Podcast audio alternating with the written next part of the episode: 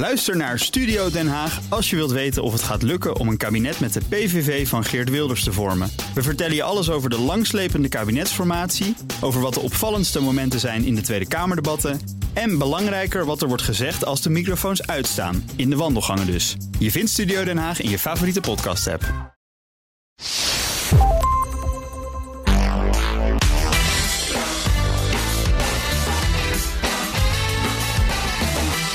Je het fijn om onnozel over te komen op je werk? Geniet je ervan als collega's je incompetent vinden? En hang je graag de stoorzender uit in vergaderingen? En natuurlijk niet. Dus wat doen we? We stellen geen domme vragen, we geven fouten niet graag toe. En we doen geen voorstellen als er niet om wordt gevraagd. Met andere woorden, in veel groepen ervaren we niet de psychologische veiligheid om echt iets bij te dragen. En zo beroven we onszelf en onze collega's meerdere keren per dag van kansen om iets te leren. Om samen beter te worden.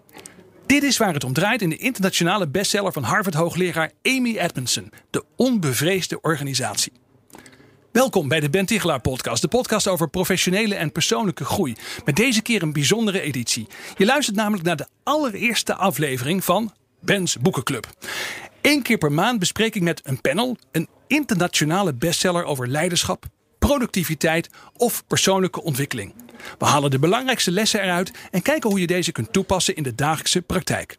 Het boek dat deze eerste keer centraal staat is De Onbevreesde Organisatie, The Fearless Organization, geschreven door Amy Edmondson. Dat boek gaat over psychologische veiligheid en volgens Edmondson is dat de randvoorwaarde voor groei en innovatie. We duiken zo in het boek, maar eerst introduceer ik mijn medelezers. Allereerst Astrid Elburg. Ze is docent aan de VU en uh, Nijenrode, werkt als toezichthouder en trainer. Astrid is expert op het gebied van gedrag in organisaties. Astrid, welkom. Leuk dat je er bent. Ja, dankjewel. En dan naast jou staat Petra Hogewerf.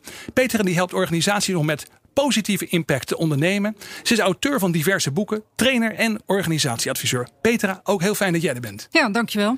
Goed, nou, uh, psychologische veiligheid, daar gaan we het over hebben. En dat is volgens Amy Edmondson, ik pak het even uit het boek, de overtuiging dat de werkomgeving veilig genoeg is om een intermenselijk, een sociaal risico te nemen, zou je kunnen zeggen.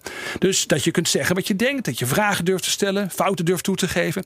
En in het boek geeft Edmondson allerlei adviezen, daar gaan we het zo over hebben, maar ook hele mooie voorbeelden. En daar willen we eens mee starten. Peter, als ik met jou mag beginnen, uh, welk voorbeeld in de onbevreesde organisatie sprak, jij nou, uh, sprak jou nou het meest aan? Ja, leuke vraag. Ik vond zelf het voorbeeld van de Zuid-Afrikaanse mijn heel mooi. Uh, misschien ook omdat ik veel in Zuid-Afrika ben geweest en daar de cultuur ken. En mensen durven daar uit zichzelf al niet heel veel te zeggen. Zeker in een hiërarchische organisatie, want dat is een mijnbouworganisatie. Ja. En daar trad een vrouw aan, Cynthia Carroll, een CEO werd ze meteen.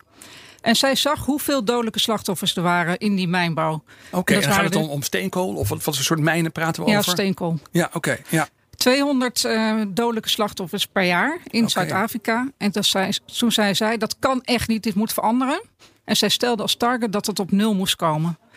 Vervolgens werd ze helemaal weggehoond en uh, is ze wel aan de slag gegaan. Eerst door de gevaarlijkste mijn te sluiten, dat getuigt van moed. Ja. Maar twee, door met dan, de medewerkers... Stel je, wel, stel je wel echt een daad. Hè? Dan, dat ja. is echt iets, dat verwacht je normaliter niet van een CEO, dat iemand zoiets doet. Nee, dus nee. dat was echt wel een lefgozer. Uh, vond ik. En wat ze vervolgens ging doen, is aan de medewerkers vragen hoe zij de veiligheid konden verbeteren. En dat deed ze op een Zuid-Afrikaanse manier. Via de zogenaamde doorsvergaderingen is ze gaan praten met die medewerkers en heeft ze naar hen geluisterd en gehoord wat zij zelf konden doen en wat zij kon doen met haar management. Ja. En, en, dat leidde tot mooie resultaten uiteindelijk? Ja, uiteindelijk leidde dat toch tot uh, een hele hoop minder doden, niet tot nul. Maar ja. daarna is ook nog gaan praten met de overheid in Zuid-Afrika en andere organisaties, de vakbond. En is ze gezamenlijk gaan optrekken om dat doel te bereiken. En wat het resultaat was, dat niet alleen de veiligheid vergroot werd, maar dat ook de cultuur in die organisatie veranderde. Omdat iedereen veel meer naar elkaar ging luisteren en ja. hun zorgen kon uiten. Mooi eigenlijk. Ja, dus het gaat niet alleen maar over innovatie en dan met het idee van nieuwe producten. Maar het kan echt om de veiligheid van de medewerkers gaan. Ja. Dus ook de fysieke veiligheid. Ja, dus, en in, in zo'n traditionele organisatie, dat vond ik mooi aan het voorbeeld. Ja. Astrid, ik ga eens even naar jouw kant. Uh, welk praktijkvoorbeeld uh, uit het boek sprak jou aan? Uh, nou, voordat ik mijn praktijkvoorbeeld noem, want ik heb hem veel minder, hoe zeg je dat, expliciet. wil ik toch even, even aanvullen. Je had het over de veiligheid van onszelf ja. en van onze collega's. Maar ik wil nog aanvullen dat het ook gaat om de veiligheid van organisaties en de samenleving soms. Oké, okay. dus leg eens uit. het breder maken. Ik ga het samen uitleggen. Mijn voorbeeld gaat over Faro. Ja. Eh, de bekende vliegramp. De bekende vliegramp Ja. toen in, ik denk Portugal. Ja. Dat was Faro. En eh, wat ik weet, is dat er twee piloten, die zaten zeg maar in het cockpit. En zeg maar de, de ondergeschikte piloot, die had opgevangen Ja. vanuit de luchttoren, hoe zeg je dat? Eh, Ja, de verkeerstoren. de verkeerstoren. Ja. eh, dat ze extra alert moesten zijn, omdat er eh, bepaalde vliegtuigen zo- tuigen zouden gaan taxiën. Dat hij merkte dat de hoofdpiloot, of hoe heet zo iemand, Ja. de voorman, die had De niet gehoord. of zo, de captain of zo, die had niet gehoord. En hij heeft tot twee keer toe heeft hij, daar melding van gemaakt. Maar hij merkte dat de captain daar niet op aansloeg. ja. Uiteindelijk. Er werd gewoon domweg niet Er geluisterd naar iemand die lager in de pickorde die stond. lager, En dat Ja. staat heel, eh, eh, heel expliciet in het boek. eh, dat lage status, dat heeft natuurlijk ook een effect. Ja. Nou, hij heeft daarna zijn mond gehouden. Want hij, hij, hij zag dat de captain geïrriteerd raakte. Maar hij had het gehoord. En hij dacht, ik moet daar toch alert een melding van maken. Ja. Of anders had hij op de rem moeten trappen. Nou, ze zijn gaan taxiën. En ze raken met een vleugel raken ze een ander vliegtuig. Het vliegtuig vliegt in brand. En de communicatie hebben ze op de blackbox gehoord. Ja, dan kan je natuurlijk. En dat is het mooie natuurlijk van de vliegomgeving. Hè, dat je alles echt ook kunt analyseren. En zo kwam dus boven water dat uiteindelijk zeg maar er gewoon domweg niet werd, Er is geluisterd. domweg gewoon niet geluisterd door lager iemand in die- lager in, in die hiërarchie. status, en lager in hiërarchie. Ja, ja, heel interessant. Ja, wat grappig is, er staan natuurlijk heel veel verschillende voorbeelden in. Wat mij erg aansprak, ik heb heel erg lang eh, eh, eigenlijk ook in de, noem het maar, creatieve industrie gewerkt. Hè. Eh, eh, samen stukken maken, samen bijvoorbeeld podcasts maken. En wat ik nou zelf een heel leuk voorbeeld vond, was dat van, eh, van Pixar. Die, die bekende animatiefilm organisatie. Hè. Eh, Toy Story kennen we wel. Finding Nemo, Soul vond ik een mooi film. De meest recente. En, en in zo'n creatieve organisatie moet je eh, aan de ene kant heel veel nieuwe dingen maken telkens. En dat is best wel kwetsbaar. Dan moet je creatief zijn. En, en je, hè, je moet laten zien aan anderen wat je dan eh, hebt gemaakt. Maar ja, het helpt ook niet als we elkaar dan een beetje over de bol aaien. En zeggen, nou, ik vind het eigenlijk best mooi. Want uiteindelijk wil je gewoon iets echt heel moois maken. Dan moet je ook kritisch durven zijn. En ik zag dat ze binnen Pixar, dat voorbeeld haalt Amy Edmondson aan, dat ze een zogenaamde brain trust dan hebben. En dat betekent dat er een aantal spelregels zijn waarin je eh, als brain trust, dat is dan een groep van filmmakers en schrijvers, dat er allerlei spelregels zijn van hoe je dan feedback geeft. En dat vond ik ook heel stoer. Ik, ik pak er even één ding uit. Eh, die feedback moet opbouwend zijn. Gaat altijd over het project en niet over de persoon. Nou ja, dat is natuurlijk wel herkenbaar. Dat probeer je ook wel vaak in het echt natuurlijk. Maar die persoon zelf moet zich ook realiseren dat hij zich dan niet defensief moet opstellen. Maar dat je zit erbij om te leren. Om samen iets beters te maken. Dus dat vond ik al heel erg leuk. En ik pak nog even één ander dingetje uit. Het, het draait echt om empathie. Dus je moet je echt verplaatsen in die ander. En het leuke is, in die brain trust zitten ook alleen maar mensen die er zelf ook al ja, dat, dat kennen. Die hebben ook aan de andere kant gezeten. Dus die weten hoe moeilijk en hoe kwetsbaar het is om zelf iets moois te maken. En ik vond vooral het idee van spelregels. Dan denk ik, oh ja, dat is dan toch wel blijkbaar belangrijk om echt goed af te spreken. Hoe doen we dat dan? Hè? Ja. Ik zie jou kijken, Petra. Nee, wat heel leuk is aan deze drie voorbeelden is wat Amy Edmondson ook schrijft: dat je drie typen mislukkingen hebt. En jij beschrijft eigenlijk de intelligente mislukking, Ja. namelijk dat, dat je fouten mag maken en dat het zelfs nodig is om iets te creëren. In het voorbeeld van Astrid komt het natuurlijk om een eh, complexe mislukking, een vermijdbare mislukking, omdat dat het eigenlijk vermeden had kunnen worden als er geluisterd was. En mijn voorbeeld gaat over een complexe mislukking, omdat het in het proces heel erg fout zat. Ja, ja, ja. En dat, eh, dat gaf mij ook een heel goed inzicht in dit boek. Dat er dus ook drie typen mislukkingen zijn. die je ook op andere manieren moet begeleiden. om psychologische veiligheid te creëren. Ja, en het heeft niet zoveel zin dus om gewoon maar altijd te roepen fouten maken mag. Dat is een beetje te simpel. Hè? Want sommige fouten mogen wel en andere liever niet. Hè? Zoals een vliegramp bijvoorbeeld. Ja. Ja. Ja. Hey, als, ik, als ik het jammer vragen, wat voor lessen haal je nou uit het boek? Hè? Eh, jij komt in veel verschillende organisaties. Je hebt al veel gezien. Maar wat voor lessen die volgens jou echt belangrijk zijn. Ook voor, zowel voor jouw klanten. haal je uit dit boek? Ehm, wat, ik, wat ik uit dit boek haal is het volgende. Ik zag op de achterflap eh, dat jij ook een stukje hebt geschreven eh, ter aanbeveling van het boek.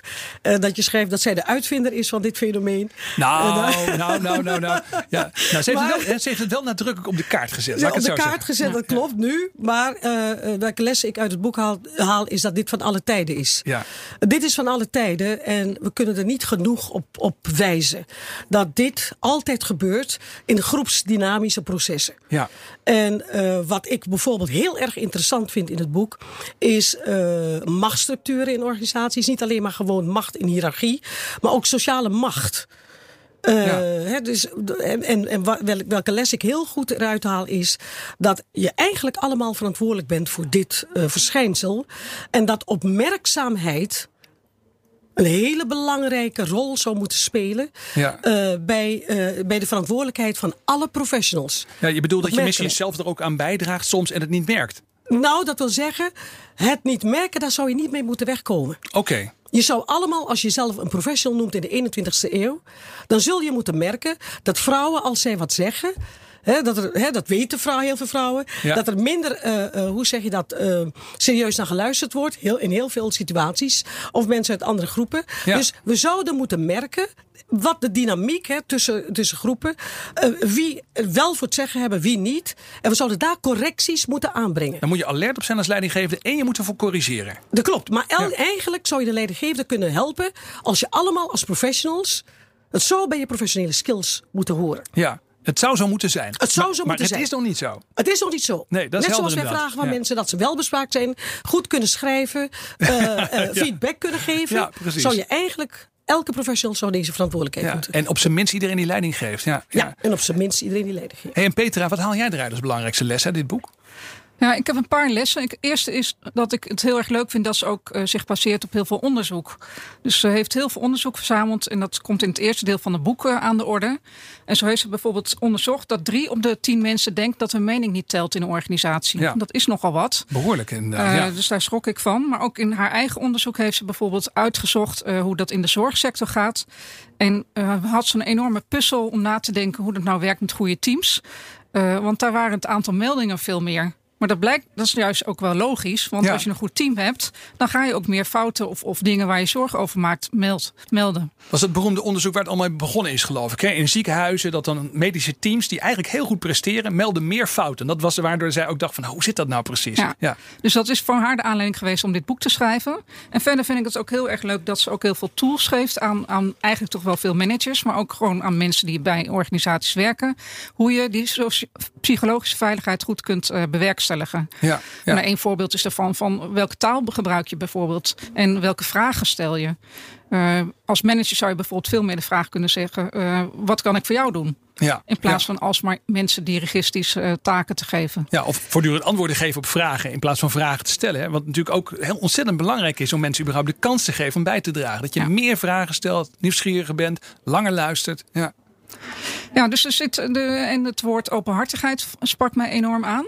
Dus eh, de, de leidinggevende is ook, heeft ook als taak, vindt zij, om de openhartigheid te stimuleren. Maar dat kun je Ja. natuurlijk ook als medewerker doen door oprecht nieuwsgierig te zijn naar wat jouw collega zegt. De collega wie jij altijd aan ergert. Ga daar nou eens op een andere manier naar kijken. En kijk wat hem nou echt zorgen maakt. En waarom altijd dat ene punt aan de orde stelt in een vergadering. Ja. En dat kan misschien wel enorm eh, nieuw idee achter liggen. Of, of een enorme zorg.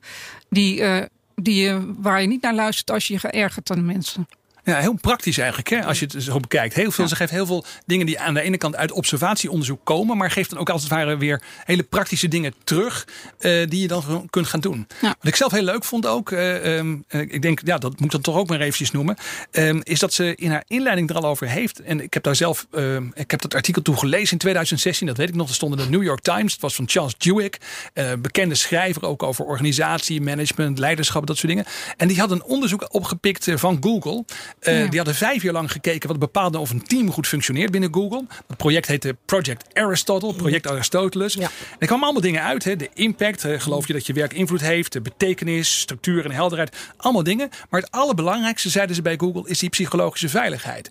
Want als dat er niet is, dan helpen al die andere dingen ook niet. Dus een soort, soort fundament onder allerlei dingen waar we in organisaties met elkaar over praten. Dat we met purpose bezig zijn enzovoort. Maar ja, je durft toch niet echt openhartig over purpose te praten. Als er niet eerst die psychologische veiligheid is. Je kunt praten over gelijke rechten. Je kunt het hebben over diversiteit en inclusiviteit. Maar als er niet ja, de veiligheid is om dat te bespreken. Ja, dan is het alleen maar een soort eh, tekst op een poster. Ik weet niet hoe die dat ervaren. Maar ik, ik vond het wel heel mooi dat ze eigenlijk hebben ontdekt bij Google. En dat Amy Edmondson dat later dan ook weer in haar boek nu weer oppakt. Van dit is eigenlijk foundational. Dit is gewoon het fundament. Ja, en de vraag is altijd hoe doe je dat? Hè? Eh, ze heeft natuurlijk een aantal eh, prima eh, handvatten gegeven. ze. Toch kijk ik altijd naar gedrag zoals je bij je aankondigde. We kunnen het wel roepen, maar waar waar zien mensen dat in terug? Uh, nog, nogmaals, hele mooie handvatten, mooi onderzoek. Uh, en vervolgens denk ik altijd, uh, ik, ik, kijk niet alleen naar gelijkwaardigheid, hoe gelijkwaardig zijn mensen, ja. hebben ze gelijke airtime, maar ik kijk ook naar, zoals ik jullie in de voorbereiding al zei, worden mensen ook geloofd? Ja. Dus ik zeg altijd, hoe volwaardig zijn mensen? Dus dan kun je wel zeggen van, ik geef iedereen de tijd en de beurt, maar wordt er dan ook echt naar geluisterd? Er wordt er echt naar geluisterd en wordt er echt ook iets gedaan, want dat is waar mensen een stuk op En dat is welke houding moet je ontwikkelen. En nogmaals, je komt een heel eind met het boek. Maar ik kan me voorstellen dat als je het boek gelezen hebt, dat je ook nog zelf kan invullen. Dus niet alleen maar klakkeloos uh, de tools aanneemt, maar ook nog bij jezelf te raden gaat met behulp van uh, uh, deze voorbeelden. Wat zie ik zelf? Gaan we zo eventjes verder op in. Je luistert op dit moment naar de Ben Tigelaar podcast met de allereerste editie van Ben's Boekenclub. Samen met Astrid Elburg en Petra Hogewerf bespreek ik de belangrijkste lessen uit de bestseller De Onbevreesde Organisatie, The Fearless Organization van Amy Edmondson. Ik ga even naar Petra. Heb je zelf eigenlijk ervaring met werken op een psychologisch onveilige plek? Wel eens meegemaakt dat je ergens werkte waarbij heel duidelijk, zeg maar, waarvan je denkt als je je werkplek langs de meetlat van dit boek legt, van nou, dat was psychologisch dus niet veilig. Uh, meerdere keren helaas. Ja. Uh, maar om een voorbeeld te geven uit mijn eigen werkpraktijk. Ik werd uh, lid van de raad van bestuur van Stichting Forum. ooit geleid door Abu Talib. Ja. Stond goed aangeschreven. En ik was zeg maar de tweede vrouw. Oké. Okay. En ik kwam naar binnen en uh, de financieel medewerker die barstte in tranen uit toen hij zijn verhaal mocht doen, omdat hij geïntimideerd was. Op je eerste werkdag al? Ja. Nou, dat is lekker binnenkomen. Ja, en hij ja. liet mij een mail zien met allemaal voorbeelden van scheldkanonades van mijn voorganger. Als ik over vertel, word ik bijna weer ik emotioneel merk het van. Aan je. Ja, ja, ik kan me het voorstellen. Ja. Ja. ja. Dat zit heel diep bij mensen dan, hè? Ja. ja, en ik ging door die organisatie heen en dat bleek gewoon een angstcultuur te zijn, veroorzaakt door mijn mededirecteur. Ja. Die soms met een boek gooide naar iemand als hij het niet eens was. Zo. Geen vergaderingen hield. Uh, denk de Raad van Toezicht ook allerlei verhaaltjes ophing wat niet waar was. Ja. Um, en ik heb dat geprobeerd te veranderen. Maar je kunt dat niet in je eentje veranderen. Nee, Want als je mededirecteur dat niet zo ziet, en zelfs denk ik ook de oorzaak van het probleem is, dan ben je zelf niet veilig. Ja, dat is best wel heel erg lastig, zo'n situatie. Laten we even eerlijk zijn. Want uh, Amy Edmondson geeft ook aan wanneer mensen de regels voor psychologische veiligheid overtreden, dat je daar ook echt op moet corrigeren. Ja. Maar als het de hoogste baas zelf is die het doet, dan wordt het moeilijk natuurlijk. Nou, dus ik heb toen uiteindelijk met de Raad van Toezicht mijn verhaal gehouden. En die zeiden toen van uh, ja, maar deze meneer ligt zo ontzettend goed bij het Koninklijk Huis. Je, ik vind ook wel dat hij als ZZP'er moet werken, maar wij kunnen ook niet van deze meneer af. Oké, okay, ja. Want, het Koninklijk Huis speelt dan bij dat soort dingen dus nog een rol of zo. Ja, heel ja. apart. Dus ja. De, de, ja, dat is een perspectief van kijken, maar dat heeft niks te maken met de impact van de organisatie, laat staan met de veiligheid van de medewerkers. Ja. Uh, uiteindelijk hebben de medewerkers twee jaar later in de Volkskrant de klokken geluid. Ja. Uh, maar Twee jaar later, hè? Ja. ja. En toen was het al heel lang aan de gang. Toen ja. was het dus al heel lang aan de gang. En toen werd er nog steeds niet naar eens geluisterd. En uh, heeft de Raad van Toezicht nog steeds zijn positie veilig gehouden. En pas twee jaar daarna heeft Lodewijk Asscher de stekker eruit getrokken. Ja. En de zo, subsidie zo ver, ver, uh, verdween. Zo lang kan het dus duren. Hè? Dus het is wel een zaak van de lange adem en soms lukt het ook gewoon niet. Astrid, wat zijn jouw ervaringen hiermee uit de praktijk? Je eigen ervaringen misschien? Um, ik kom in heel veel organisaties. En ik ben op een paar plekken ben ik ook voorzitter. Dus ik zie ik zie het en ik stel het aan de orde. Ja. En ik heb een aantal strategieën ontwikkeld hoe het aan de orde te stellen. Uh, maar ik spreek me altijd uit. Dat weten mensen als ik in de raad van toezicht zit. Ja. Dus uh, daarmee geef je wel het goede voorbeeld. Maar, daar, maar daar, kan natuurlijk ook zo zijn dat sommige mensen dan juist een beetje geïntimideerd daardoor raken. Misschien door die welbespraakte uh, mevrouw. Nee, Die het... wat ik doe is dat ik niet altijd alles plenair doe. Oké. Okay. Ik heb eens een keertje met Wim Kok in een raad van toezicht gezeten. Ja. Waar sprake was van uh, seksuele intimidatie okay. ergens. En het was mij ter oren gekomen en ik heb Wim Kok apart genomen. En uh, hij heeft mij gevraagd of ik dat zou willen, willen onderzoeken. Maar ik. En voor alle duidelijkheid, het ging niet over Wim Kok in dit geval. Nee, het ging niet over Wim nee, Kok. Nee, maar ik, hij was de voorzitter. Mochten mensen dat hij denken was de het voorzitter. ja. En ik vind, hè, dus ook als raad van toezicht, dus niet alleen als directie, dat uh, als je de ogen en de oren bent van een organisatie, dan vang je dit soort dingen op. Het gaat niet alleen maar om wat over onderzocht is, want onderzoek gaat altijd over achteraf. Het gaat over de dagelijkse sociale interactie. Wat zie ik? Klopt dat wat ik zie? Heb je gesprekken met de OR? Dus ik kom in heel veel organisaties waar ik heel vaak. Het is dus niet zo dat er één organisatie is zonder sociale, hoe zeg je, psychologische onveiligheid. Ja. Heel vaak zit er iets. Ja. Nou, dan moet je wel het lef hebben als uh, professional of je nou medewerker bent of raad van toezicht of directie, dat je wel de tools hebben, maar ook de competenties om dit te bespreken. Nou, dat is natuurlijk wel een beetje een punt. Hè? Misschien is dat wel goed om daar even naartoe te gaan, want we hebben nog een paar minuten en willen toch ook even kijken naar wat er misschien mist in het boek, wat er aangevuld zou kunnen worden. En ik hoor eigenlijk ook wel een beetje uit jullie verhalen dat het allemaal niet zo makkelijk is. Dat het een zaak van de lange adem is, dat iemand moet het ook op de kaart durven te zetten. Astrid, wat had jij willen aanvullen in dit boek? Of wat kun je, zou je nu willen aanvullen op het boek? Nou, wat ik nu zou willen aanvoelen is dat uh, uh, het is fantastisch. Deze boeken worden natuurlijk geschreven. Ze zijn erg nodig. Ja. Uh, die geven ons echt een beetje een, een inzicht over, over, hoe dingen heten. De dingen die we elke dag zien, hè, vaak zien. Ja. Wat ik zou willen aanvullen is uh, waar begin je hè, met die psychologische onveiligheid? En ik hamer altijd op opleidingsinstituten dat dit onderdeel zou moeten worden van onze professionele tools. Dat moet je gewoon leren als leidinggevende, maar als professional moet je, moet je het kunnen. leren. Ja. En, en, en de laatste zin is: wij leven in de 21ste eeuw, waarbij wij vinden dat verschillende groepen, of het nou sociale groepen is, etnische groepen enzovoorts, uh, wij zien dat er heel veel spanningen zijn. De context is heel gespannen. Ja. En wij zien dat er een verschil is tussen arm en rijk, hoogopgeleid, laagopgeleid. Dus dit de psychologische uh, veiligheid van mensen garanderen in organisaties. Dat zou moeten horen tot ons instrumentarium. Ja. Daar pleit Ja. ik voor. Helder. Hey, en als ik naar jou kijk, Petra, wat, uh, wat zou jij willen aanvullen op het boek?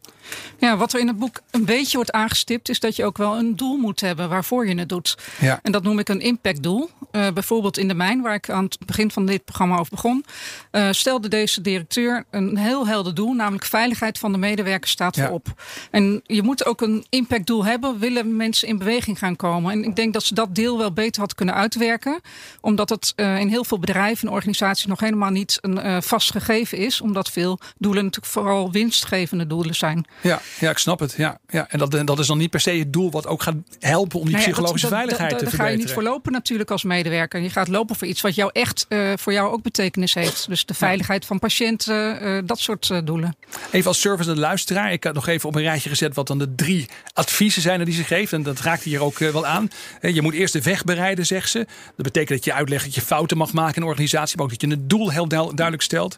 Dan moet je mensen uitnodigen tot participatie. Dus vanuit een bescheiden houding ook vragen stellen. En zeggen dat je samen aan het leren bent. En dan moet je ook productief reageren als mensen ja. met dingen komen. Dat is natuurlijk ook ontzettend belangrijk. Als je dan de ruimte hebt gecreëerd voor mensen om met kritiek, feedback, nieuwe ideeën te komen. Moet je ook waarderend reageren. Dat is ook nog niet zo makkelijk in de praktijk. Hè? Ja. ja en er iets mee doen natuurlijk ook. En er iets mee doen. Ja, precies. Um, Heel erg kort, even jullie, de belangrijkste les volgens jullie. Als ze nou één ding moeten onthouden van dit boek, de Fearless Organization, de onbevreesde organisatie van Amy Edmondson, wat moeten we dan meenemen, Astrid? Wat ik altijd zeg, we moeten evolueren. Oké. Okay. Als professionals. Als professionals. Next professionals. Ja, dus dat betekent pak die lessen en zorg dat je weer uh, een nieuwe versie next, van je, van je naar een nieuw level gaat. Ja. Hartstikke mooi. En Petra, jij? Ik maak hem iets praktischer. Ik zou zeggen, oefen elke dag met goede vragen stellen en heel goed luisteren. En dat brengt je zoveel meer informatie dan over jezelf vooral, maar ja. ook over de ander. Dat je daardoor ook inderdaad groeit en evolueert zoals Astrid zegt. Dankjewel. Astrid Elburg, dankjewel. Petra Hogewerf. Hartstikke leuk om samen deze eerste editie van de Boekenclub te doen. Dit was de Ben Tichelaar podcast. En er is nog één vraag die is voor de luisteraars.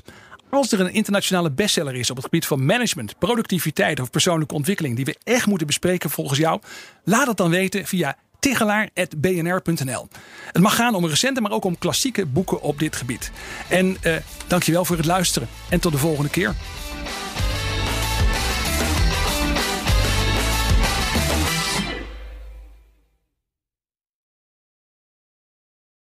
Ook Thomas van Zeil vind je in de BNR-app. Je kunt live naar mij luisteren in Zaken doen. De BNR-app met breaking news, het laatste zakelijke nieuws... en je vindt er alle BNR-podcasts, bijvoorbeeld Het Nieuwe Geld. Download nu de gratis BNR-app en blijf scherp.